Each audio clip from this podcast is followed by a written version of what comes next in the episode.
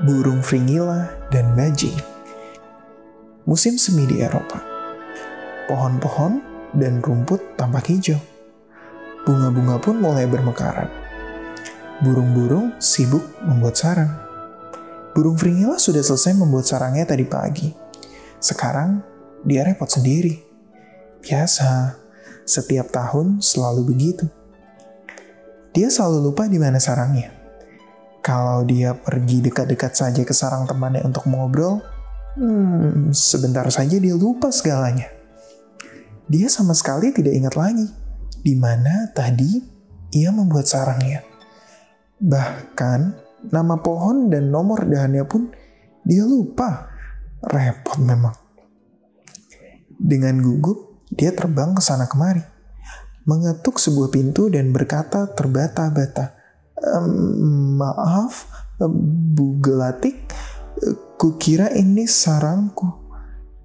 Ketika ketukannya membangunkan burung hantu, dia berbisik. Maaf pak, saya salah ketuk. Berkali-kali ia mengetuk pintu burung lain. Entah sudah berapa banyak pohon yang didatanginya. Sore hari, ketika dia sudah lelah dan putus asa, baru dia menemukan sarangnya. Hal seperti ini terjadi sedikitnya sekali dalam seminggu. Burung fringilla sudah berusaha berhati-hati, tetapi tetap saja dia terbang salah arah dan terpaksa bersusah payah mencari sarangnya. Teman-temannya, terutama bajing, selalu meledeknya. Oh lala, fringilla pelupa. Kapan kau memakai otakmu? Musim dingin tiba salju mulai turun. Burung-burung tinggal di dalam sarangnya. Hanya kadang-kadang saja mereka keluar untuk melemaskan sayap. Itu pun hanya sebentar. Lalu mereka cepat-cepat kembali ke sarang. Burung fringilla pun tinggal di rumah. Kalau keluar, ia hanya mengitari pohonnya. Hanya bajing yang sibuk sendiri. Akhir musim panas dan sepanjang musim dingin yang lalu, ia sibuk mengumpulkan makanan yang enak-enak. Sambil mencari makanan, ia selalu berhayal.